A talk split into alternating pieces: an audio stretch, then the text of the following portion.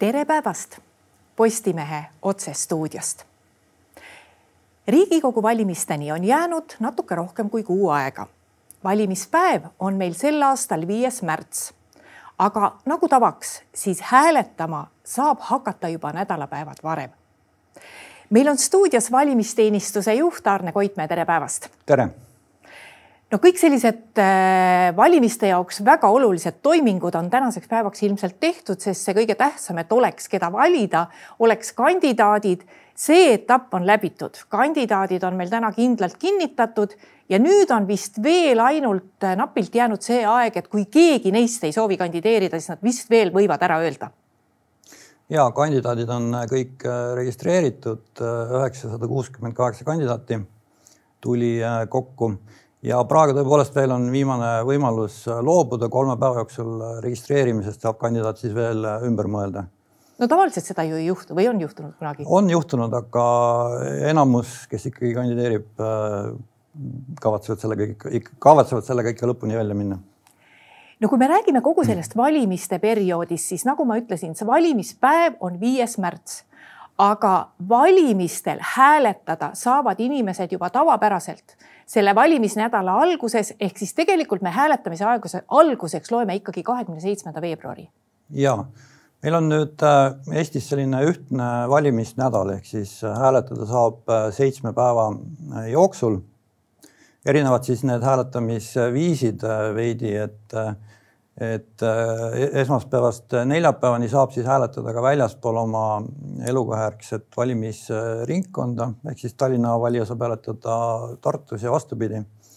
ja reedest pühapäevani äh, on avatud kõik valimisjaoskonnad äh, ja siis saab hääletada oma elukohajärgse valimisringkonna piires.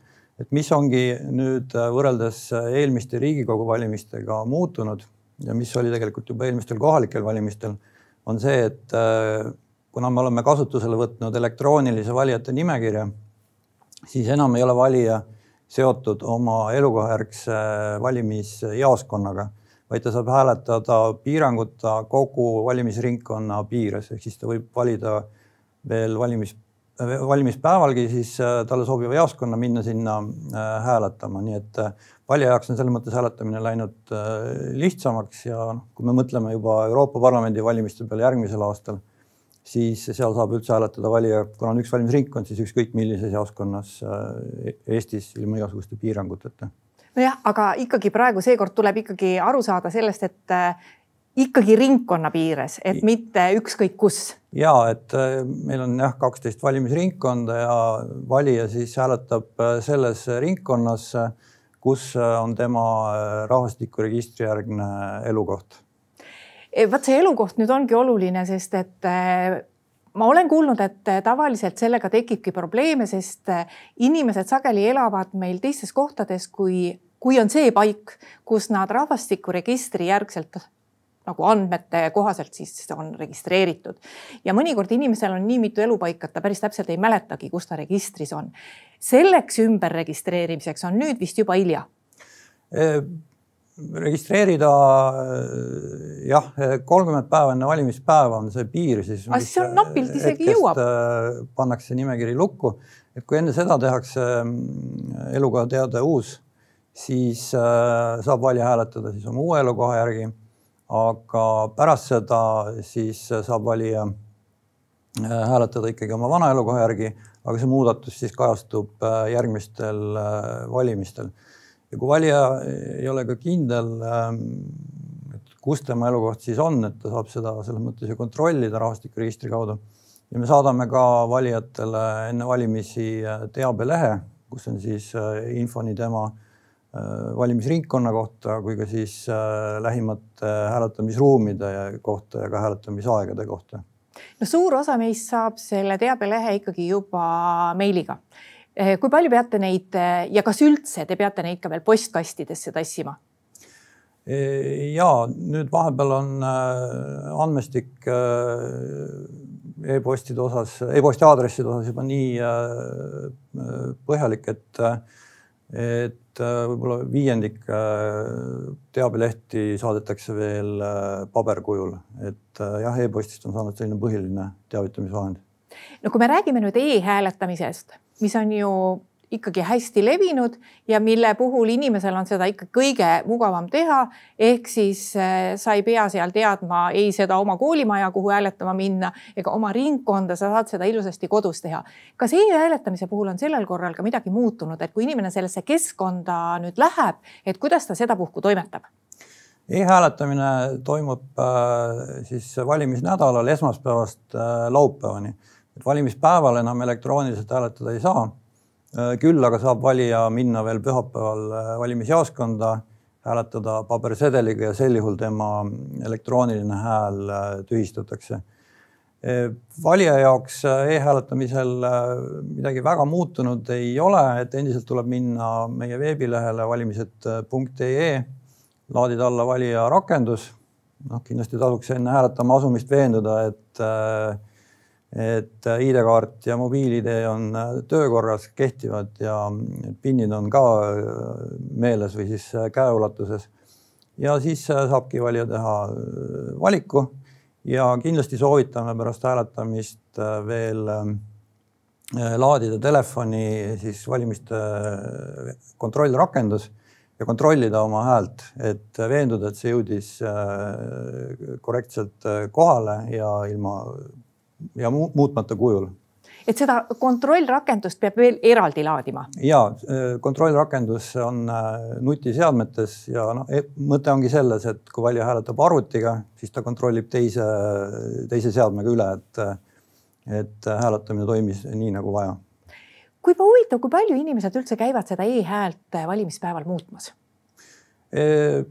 Neid on äh, võrdlemisi vähe, ma nüüd täpse numbri äh, jään võlgu, aga äh, ütleme, et e-häält jah, pabersedeliga hääletades tühistavad mõni tuhat inimest no see on äh, see, et valimispäeval saab seda e-häält muuta, on äh, teinud nüüd ka natukene pikemaks selle häälte lugemise tsükli, sest noh, see on muidugi tähtis, eriti meile ajakirjanikele, kes me vanasti olime harjunud kogu aeg sellega, et nii kui valimisjaoskonnad suleti, siis tulid kohe e-hääletamise tulemused, sest neid e-hääli sai natuke varem hakata lugema. nüüd, kui seda e-häält on võimalik valimispäeval muuta, siis juba ka eelmistel valimistel oli nii, et me ei saanud neid andmeid nii ruttu kätte. tähendab see ikkagi, et äh, ka need e-hääled tulevad üsna samas rütmis nende valimisjaoskonnas antud häältega või et kuidas see lugemise protseduur on, see algab ikkagi peale kaheksat, kui valimisjaoskonnad suletud on. Ja, jah, hääle muutmine, äh, muutmise võimalus ongi nüüd jah, valimispäeva õhtul kella kaheksani, noh, eesmärk ongi see, et et valija saaks siis äh,, valija hääletamise salajasus ja valikuvabadus oleks tagatud, et ta saab veel seda elektroonilise hääletamise äh, häält siis veel muuta veel valimispäeva õhtuni välja ja äh, alles pärast seda, siis kui me oleme saanud jaoskondadelt äh, kinnituse, et hääletamine on lõppenud, siis hakatakse elektroonilisi hääli äh, töötlema, ehk siis kõigepealt kõrvaldatakse topelthääled ja tühistatavad hääled ja seejärel algab häälte lugemine. seni tehti seda, kuna e-hääletamine ju lõppes varem, siis tehti seda enne kella kaheksat valimispäeva õhtul nüüd on vastupidi, et me hakkame hääli lugema alles pärast kella kaheksat. ehk siis äh, nüüd tõepoolest ähm, e-hääled, äh, tulemused äh, tulevad kusagil kümne, üheteistkümne vahel. ehk siis sel ajal on osad jaoskonnad juba lugemise lõpetanud ja siis ka tulemused edastanud. Et jah, seda efekti, mis vanasti oli, et kell kaheksa siis ilmuvad kõik e-hääled korraga ekraanile, seda jah, ei ole no sel nädalal on üks huvitav kokkulangemus veel või sellel aastal on üks huvitav kokkulangemus veel. nimelt äh, see valimiste nädal on ju ka koolivaheaja nädal ja need inimesed, kes lähevad siis nüüd reisile ja unustavad ära, et valimised on ja seal kusagil reisi peal tuleb meelde. Nad peavad siis nüüd arvestama sellega, et äh, e-häält andes saab seda ikkagi teha ainult äh, laupäeval kella kaheksani. ja et tõepoolest on jälle valimiste nädal langeb kokku koolivaheaega, et äh, need inimesed, kes äh, siis sõidavad sel ajal äh, teistesse riikidesse ja me eelmiste valimiste pinnalt ka nägime, et sellised populaarsed puhkuseriigid nagu Tai ja Hispaania, et sealt tuli palju rohkem hääli, kui noh, proportsionaalselt võiks, võiks arvata. et jah, kindlasti tasub see enne läbi mõelda ja siis ka siis ID-kaart või mobiilide nii-öelda kaasa võtta veenduda, et see, et see toimib.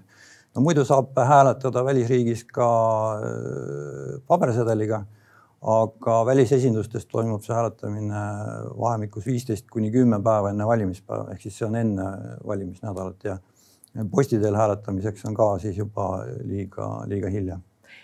Neid inimesi, kes elavad meil välisriikides, on ju arvuliselt täiesti palju. kui ma nüüd õieti mäletan, neid on ja neid, kes ka hääletavad aktiivselt, on kusagil kaheksakümne tuhande ringis.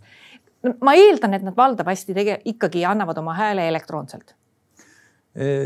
ja välisriigis äh, alaliselt elavate kodanike osavõtt ei ole olnud kunagi väga suur. Aga mm, e-hääletamine on seda nüüd tõepoolest äh, tõstnud, et kui siin kahe tuhandendate keskpaiku hääletas ütleme tuhat kakssada valijat välisriigis, siis nüüd on see arv juba üle kuue, kuue tuhande ehk siis e-hääletamine jah, välisriigis tõepoolest teeb hääletamist lihtsamaks. No te olete ka teada andnud, et äh, välisriigi kodan- või ühesõnaga välisriigis elavad inimesed on sellel aastal sellistes üldistes nimekirjades ja kui me räägime sellest, et see valimis, valimisaktiivsus seal väga suur ei ole, et kas see võib ka alla tõmmata meie sellise üldise valimisaktiivsuse? ja traditsiooniliselt on Eestis äh, arvutatud hääletamisest osavõttu äh, alati Eesti hääletamistulemuste põhjal ehk siis välisriigis äh, elavad valijad on äh, loetud siis nii-öelda sada protsenti need, kes äh, hääletasid. et mandaatide jaotamisel jälle vastupidi, on alaliselt ka need, on alati ka alaliselt välisriigis elavad valijad arvesse võetud. nüüd, kuna meil on üks elektrooniline valijate nimekiri, meil ei ole enam eraldi välisriigi nimekirja ja Eesti nimekirja, siis ka see hääleta-, hääletamisest osavõtu rehkenduse alus muutub ja me arvestame sisse kõik alaliselt välisriigis elavad äh, valijad äh, ehk siis arvutame protsenti kogu valijate arvust ja see tähendab, et äh, hääletamisest osavõtu protsent siis langeb, ütleme kolme-nelja protsendi võrra. noh, saab loomulikult arvutada välja ka sellise eelmiste valijate, valimiste metoodikaga võrreldava protsendi. aga jah, põhinäitajana me hakkame nüüd kuvama siis seda kogu, kogu osavõttu. kuidas valimiskasti koju saab? Ja kes saavad? valimiskasti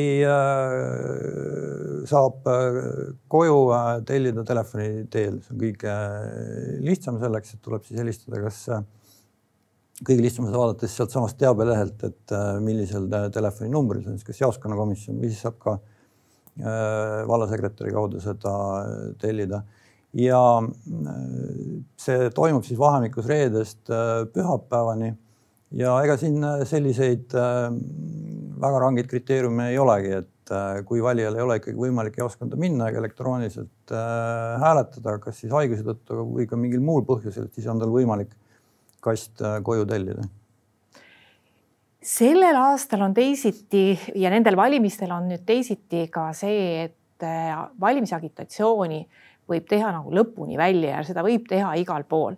nii et äh, kui inimene on ka pühapäeval teel valimisjaoskonda ja talle tuleb vastu erakonna esindaja, kes äh, tahab alustada pikemat jutuajamist, äh, miks just tema poolt on hea hääletada, siis tõenäoliselt ei ole põhjust talle politseid kutsuda, see on kõigiti seaduslik ja äh, võrreldes eelmiste Riigikogu, Riigikogu valimistega on see ka nüüd muutunud, et meil ei ole enam äh, poliitilise välireklaami keeldu, ehk siis kõik plakatid äh, võivad vabalt üleval olla, kaasa arvatud valimispäeval.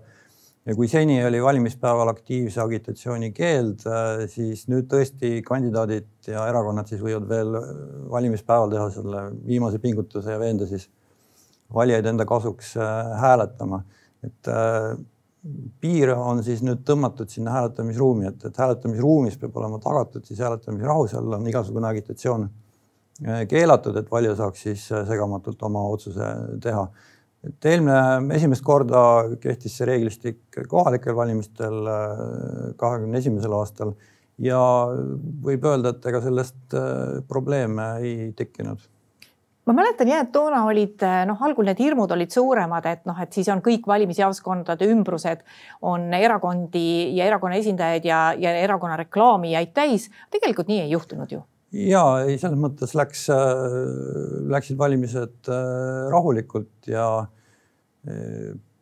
jah, et ka valimispäeval ei olnud näha, et oleks mingisuguseid probleeme sellest tekkinud kuidas on selle vaatlemisega, valimiste vaatlemisega nüüd jaoskonnas, et eh, kes on need inimesed, kes, eh, kes seal on valimis va,, valimiste vaatlejana, kes jälgivad seda, et kõiki seadusi oleks täidetud ja, ja kuidas selleks vaatlejaks saab?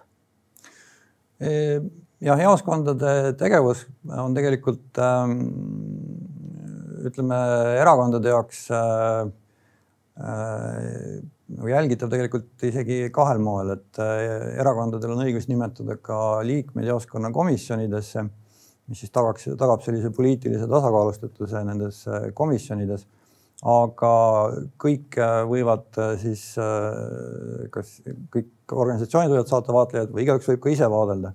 ja Eestis on see kord hästi selline vaba ehk siis igaüks võib minna valimisjaoskonda ennast äh, tutvustada äh, ja äh, öelda, et ta soovib vaadelda ja siis võib ta neid hääletamistoiminguid seal jälgida. no kui rääkida nendest erakonna liikmetest, kes oleksid siis komisjoni liikmed siis äh, vallasekretärid ja linnasekretärid küll ütlevad, et ega sinna nüüd väga suurt tungi ei ole, et pigem on see vastupidi, et ikkagi nemad peavad enamasti erakondadele meelde tuletama, et saatke oma esindajad ja nad seda ka teevad. et äh, sellega ei ole nii, et nüüd erakonnad kohe hirmsasti tahaksid seal igal pool kohal olla. no see oleneb tegelikult omavalitsusest, kohalikest oludest, kui palju kohapeal on sellist intriigi et äh, mõnel pool on neid ikkagi rohkem, aga jah, on ka omavalitsusi, kus äh, need erakondade kohad jäävad äh, täitmata. aga noh, võib öelda, et see ongi natuke selline globaalne probleem, et ega valimisjaoskonda töötajaid ei olegi nii lihtne leida no täna toob Maaleht välja ka statistika, kus ta märgib, et mitmetes-mitmetes äh, piirkondades on valimisjaoskondi jäänud vähemaks. tõsi, on ka paikkondi, kus neid on juurde tulnud, aga et paarkümmend tükki on vähem tähendab see seda ikkagi, et noh, inimesed ei lähe enam jaoskonda, nad ikkagi eelistavad e-hääletust ja et seda, neid ei ole vaja nii palju teha. No üldine valimiste põhimõte on see, et me ühte hääletamisviisi ei eelista teisele ehk siis äh, elektrooniline hääletamine ei ole mõeldud äh, asendama hääletamist äh, valimisjaoskonnas, vaid tegemist on lihtsalt lisavõimalusega.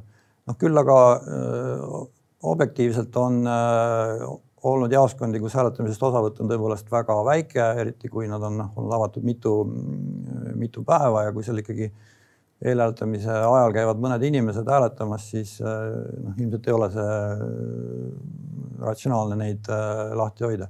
ja selle tõttu on alati äh, enne valimisi omavalitsused vaadanud ka üle oma jaoskondade äh, selle võrgu.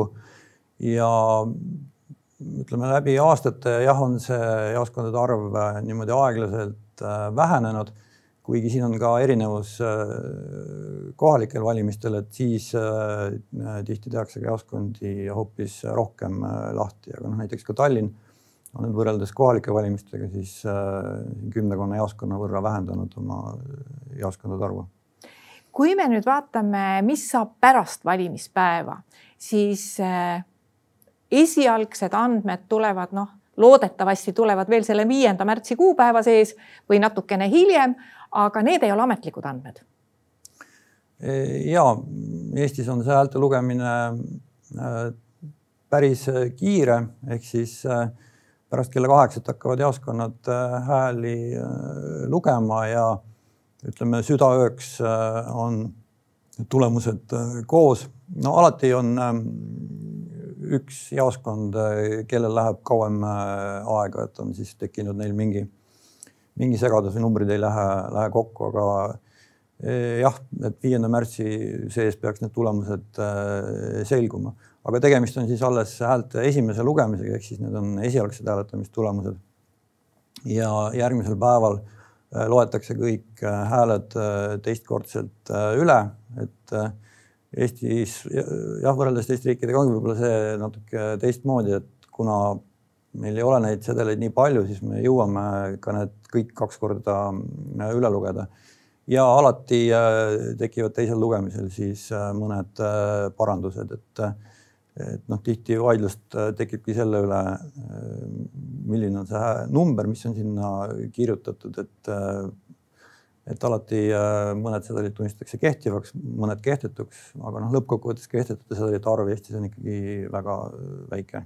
no vot, enne saate lõppu nüüd juhtisite tähelepanu küll väga olulisele asjale, et tõesti jah äh, iga kord on valimiste ajal neid sedeleid, mille puhul ei saa lugemisel aru, et mis see number on ja noh, arvestades seda, et me ju pastapliiatsit eriti enam käes ei hoia ja teeme kõike arvutiga, siis võib-olla kirjutusoskus ongi jäänud hoopis väiksemaks ja ega kui ma, ma olen nüüd siin aastate jooksul ühe korra käinud äh, pabersedeliga hääletamas, tavaliselt ma hääletan elektrooniliselt, et ega endal ka äh, tekib selline kerge erutus, kui hakkad seda ühte numbrit sinna kasti äh, kirjutama. Aga see võib alati ka jälgida instruktsioone sellel plakatil, mis on seal kabiinis, et kuidas sedelit täita. seal on ka sellised näidisnumbrid tegelikult mis äh, lihtsustavad siis pärast häälte äh, lugemist, noh näiteks võib äh, tuua, et seitsmel võiks olla see kriips seal risti sisse, et siis on ta ilusti ühest eristatav ja meeles tasub pidada ka seda, et kui midagi läheb nässu, et siis mitte hakata parandama seda numbrit vaid äh, minge äh, jaoskonnakomisjoni töötaja juurde, kes sedeleid väljastab ja küsige uus hääletamissedel. nii et seal, kus midagi on maha kriipsutatud ja uuesti kirjutatud, see on kindlasti kehtetu sedel? valimisseadus jah, ütleb, et äh, kui number on parandatud, et siis see sedel loetakse kehtetuks, nii et kui läheb midagi valesti, siis on, ei tuleks seda üle niimoodi üle sodida või üle teha, vaid siis minna ja võtta uus sedel. no kui kõik läheb hästi ja väga palju pretensioone ja kaebusi ei tule, millal kõige varem võiks valimistulemused välja kuulutada, et arvestades, et valimised on viiendal märtsil, millal me nagu silme ees võiks olla uus Riigikogu koosseis? Noh, võib öelda, et äh, eks need esialgsed hääletamistulemused äh, on ka juba päris äh, täpsed, mis viienda märtsi lõpuks selguvad ja kui nüüd esmaspäeval on hääled teist korda üle loetud, siis me juba seda tulemust ka teame. aga noh, välja kuulutada ei saa neid muidugi enne, kui kõik kaebused on läbi vaadatud ja valimiste järgselt alati neid ka esitatakse. Ehk siis nende olenevalt kaebuste arvust ja millal need esitatakse, siis võib, võib see võtta aega mõnest nädalast kuni kuu, kuu ajani aitäh, Arne Koitmäe ja edu, jõudu teile valimiste perioodiks. aitäh. ja aitäh ka kõigile neile, kes meid vaatasid. meie praegu siit lõpetame, aga Postimehe järgmine otsesaade on eetris juba homme. seniks lugege uudiseid postimees.ee Bye.